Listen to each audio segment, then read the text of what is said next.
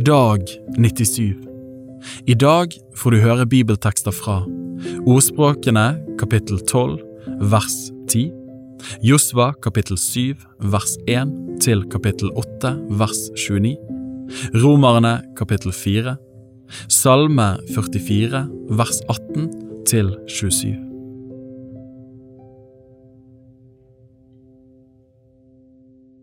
Ordspråkene kapittel 12 vers 10 Den rettferdige har omsorg for sin buskap, men de ugudeliges hjerte er hardt.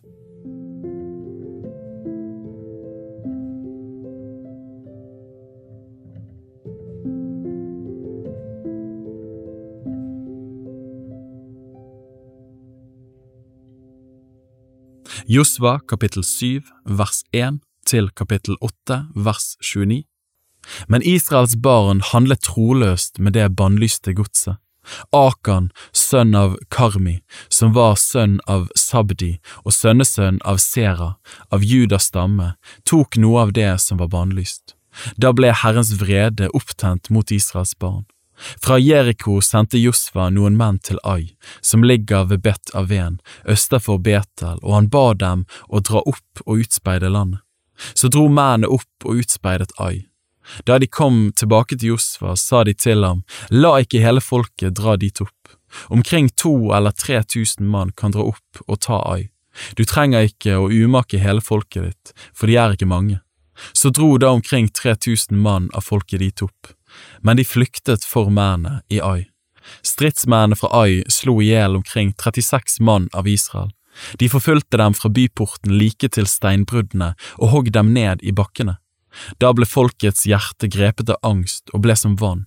Da flerret Josfa klærne sine og falt ned på sitt ansikt til jorden foran Herrens ark. Der ble han liggende helt til om kvelden, både han og Israels eldste, og de strødde støv på sitt hode.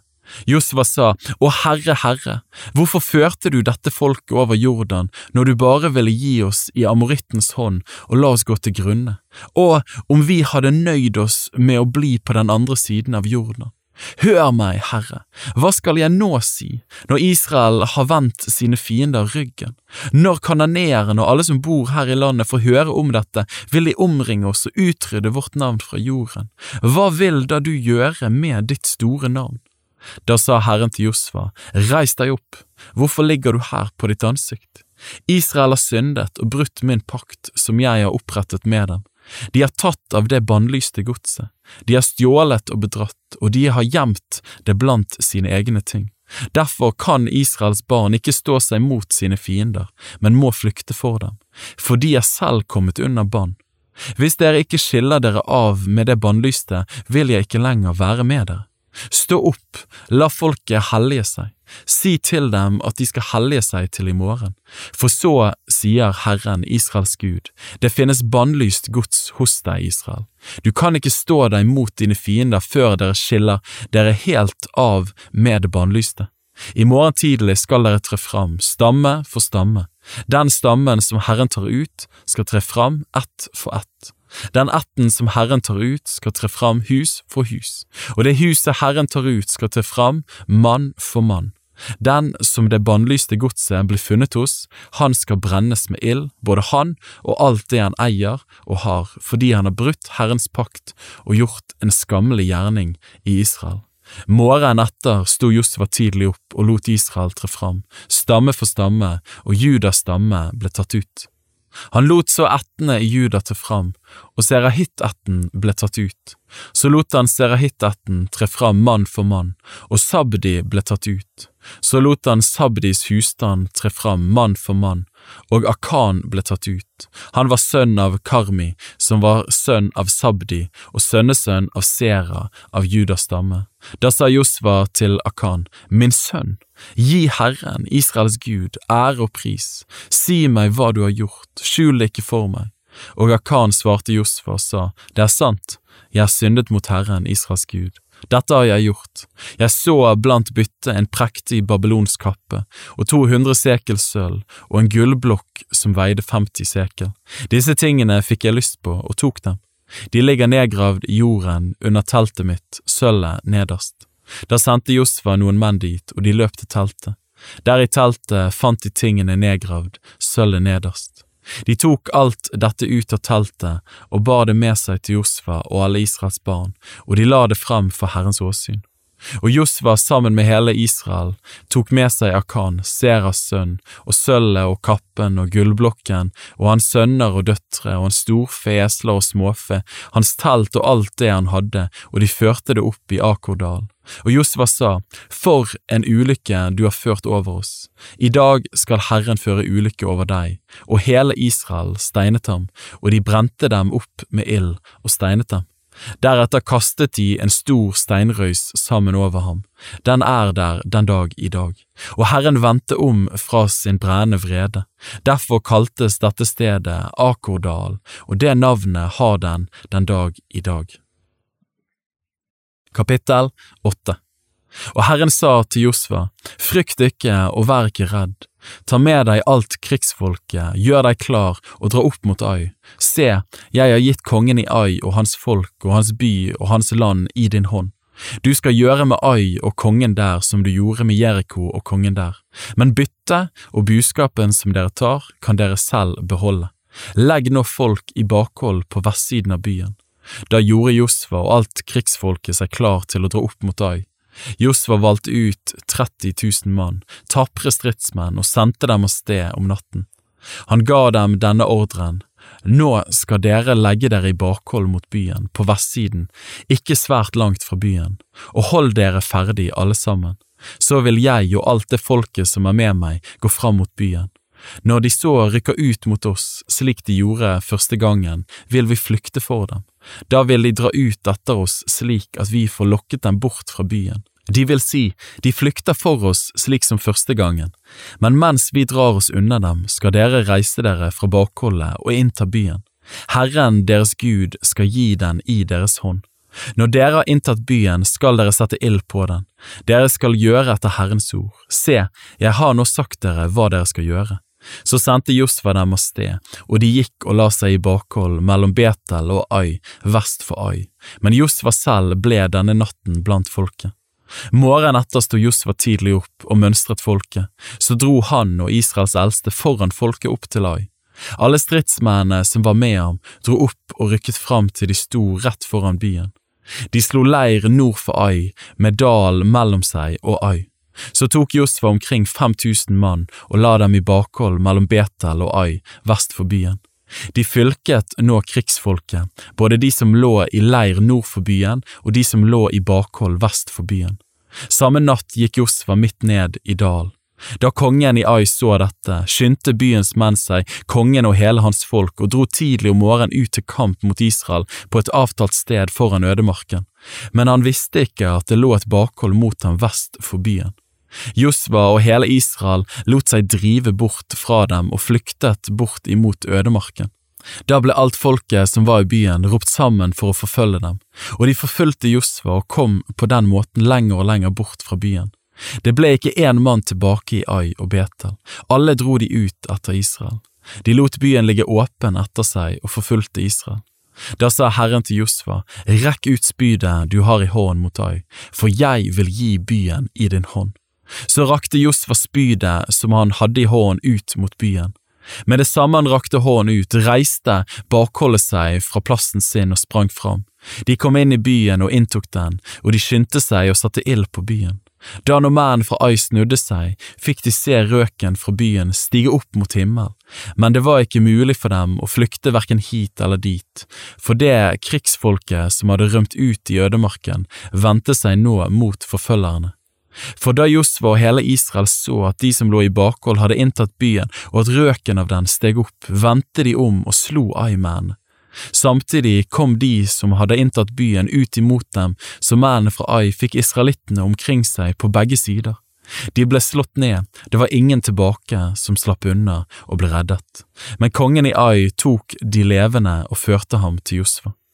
Da Israel hadde slått i hjel alle Ais innbyggere på slagmarken ute i ødemarken, dit de hadde forfulgt dem, og de var falt for sverdets egg til sistemann, da vendte hele Israel tilbake til Ai og slo alle som var der med sverdets egg.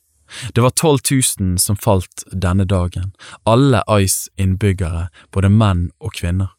Josva trakk ikke tilbake hånden med spydet som han hadde rakt ut før han hadde slått alle Ais innbyggere med bann. Bare buskapen og hærfanget i denne byen tok Israel for seg selv etter det ordet som Herren hadde talt til Josva. Og Josva brente opp Ai og gjorde den til en ruinhaug for alle tider, et øde sted, slik som den har vært til denne dag. Kongen i Ai lot han henge opp på et tre. Der ble han hengende til om kvelden. Men der sol gikk ned, bød Josfa dem å ta hans døde legeme ned av treet og kaste det ved inngangen til byporten. Der kastet de sammen en stor steinrøys over ham, og den er der den dag i dag.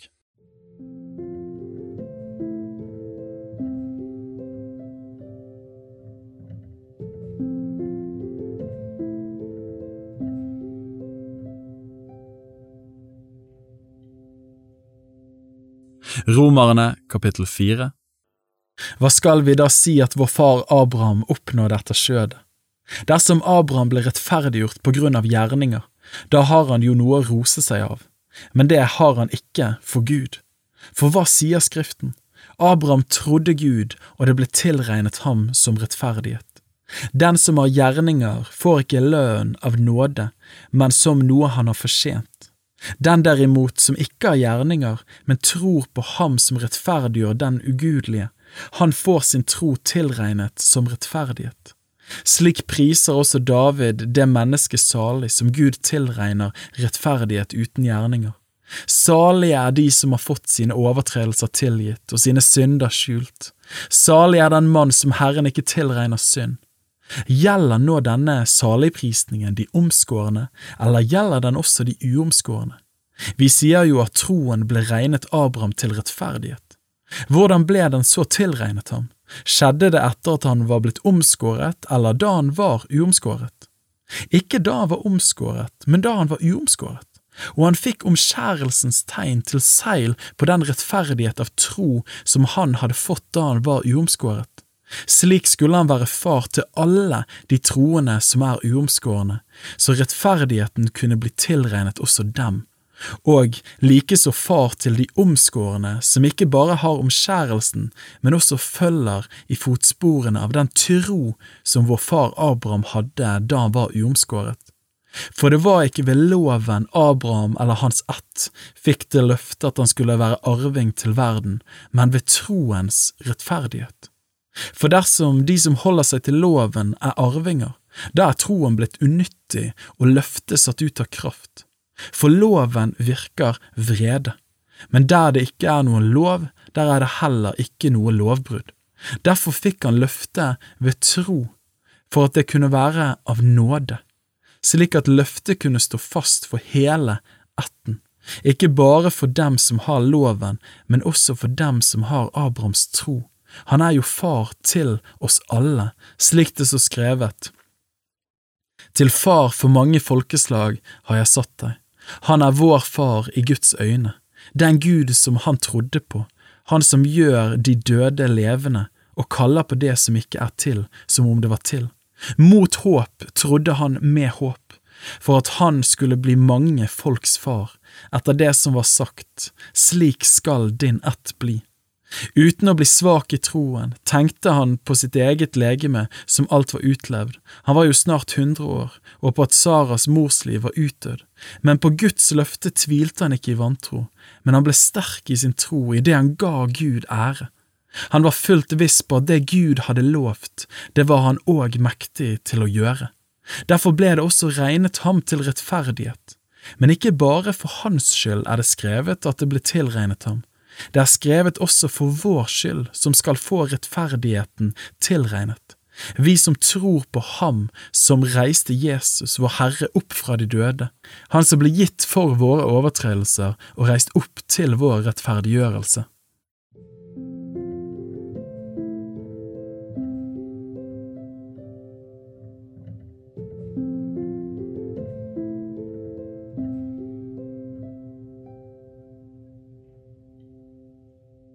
Salme 44, vers 18 til 27. Alt dette er kommet over oss, ennå vi ikke har glemt deg og ikke har sveket din pakt. Vårt hjerte vek ikke tilbake, og våre skritt bøyde ikke av fra din vei. Likevel har du knust oss der hvor sjakalet bor, og dekket oss med dødsskygge. Dersom vi hadde glemt vår Guds navn og bredt ut våre hender til en fremmed Gud, ville Gud da ikke finne det ut? Han kjenner jo hjertets skjulte tanker. Men for din skyld drepes vi hele dagen, vi er regnet som slaktefår. Våkn opp, hvorfor sover du, Herre? Våkn opp, forkast oss ikke for evig tid. Hvorfor skjuler du ditt åsyn? Hvorfor glemmer du vår nød og vår trengsel? For vår sjel er nedbøyd i støvet, vårt legeme er nedtrykt til jorden. Reis deg til hjelp for oss, forløs oss for din miskunnhets skyld.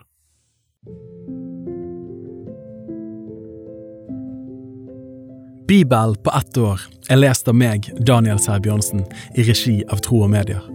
Oversettelsen er Norsk bibel 8807, og bibelleseplanen er hentet fra deres bok Ett års bibel. Hvis du ønsker å bli bedre kjent med Tro og Medias arbeid, og stå sammen med oss i å nå nye mennesker på nye måter med verdens beste nyheter om Jesus Kristus, se vår nettside troogmedier.no, og gjerne meld deg på vårt nyhetsbrev for å få de siste spennende oppdateringene. Ha en velsignet dag videre.